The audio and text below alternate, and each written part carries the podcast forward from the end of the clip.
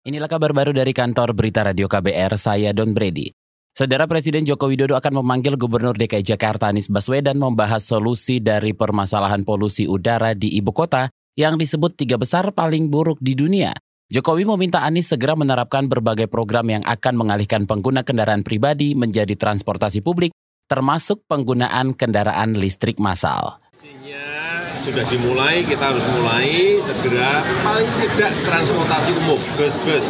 Nanti akan saya juga apa sampaikan ke gubernur, bus-bus listrik, kan, taksi listrik, sepeda motor yang kita sudah bisa produksi mulai listrik. Dan skemanya skemanya seperti apa terserah pada gubernur. Apakah lewat elektronik road pricing yang segera dimulai sehingga orang mau tidak mau harus masuk ke transportasi umum masal. Hujan buatan Pak untuk hmm? menghilangkan polusi di Jakarta Pak? Tanyakan ke gubernur. Presiden Jokowi menilai Anies sudah memikirkan strategi mengatasi polusi udara di Jakarta. Namun Jokowi enggan berkomentar terkait solusi lain yang bisa ditempuh untuk mengatasi polusi seperti pembuat membuat hujan buatan. Data air visual menunjukkan udara Jakarta menempati tiga besar kota dengan kondisi udara tidak sehat. Hingga pagi ini, indeks kualitas udara Jakarta masuk dalam kategori tidak sehat. Komisi Pemberantasan Korupsi KPK memeriksa bekas pebulu tangkis Indonesia Taufik Hidayat untuk pengembangan perkara di Kementerian Pemuda dan Olahraga. Kita simak laporan selengkapnya bersama reporter KBR Mutia Kusuma dari Gedung Merah Putih KPK.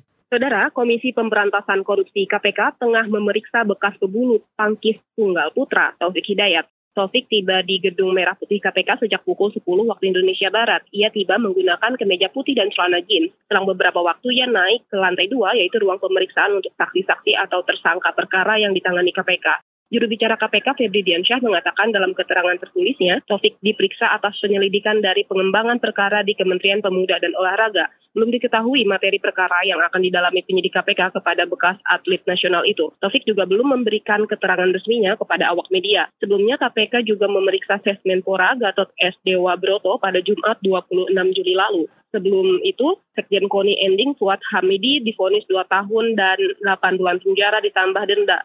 100 juta rupiah subsidi 2 bulan, sedangkan Joni E. Awi difonis 1 tahun dan 8 bulan penjara ditambah dengan 50 juta subsidi 2 bulan. Jadi Gedung Merah Putih KPK Mutia Kusuma Wardani untuk KBR. Terima kasih Mutia melaporkan langsung dari Gedung KPK.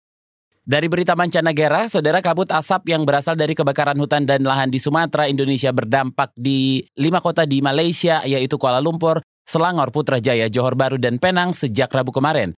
Salah seorang pekerja perempuan Indonesia di lembaga PBB Lisna mengatakan asap pagi ini di Kuala Lumpur semakin tebal. Sementara di Johor Baru jarak pandang mulai pendek dan warga setempat disarankan untuk menggunakan masker jika bepergian ke luar rumah. Departemen Meteorologi di Malaysia menyebut kabut asap akan semakin berdampak di sejumlah kota di Malaysia karena angin monson barat daya yang stabil dan musim kering. Demikian kabar baru dari kantor Berita Radio KBR. Saya Don Brady.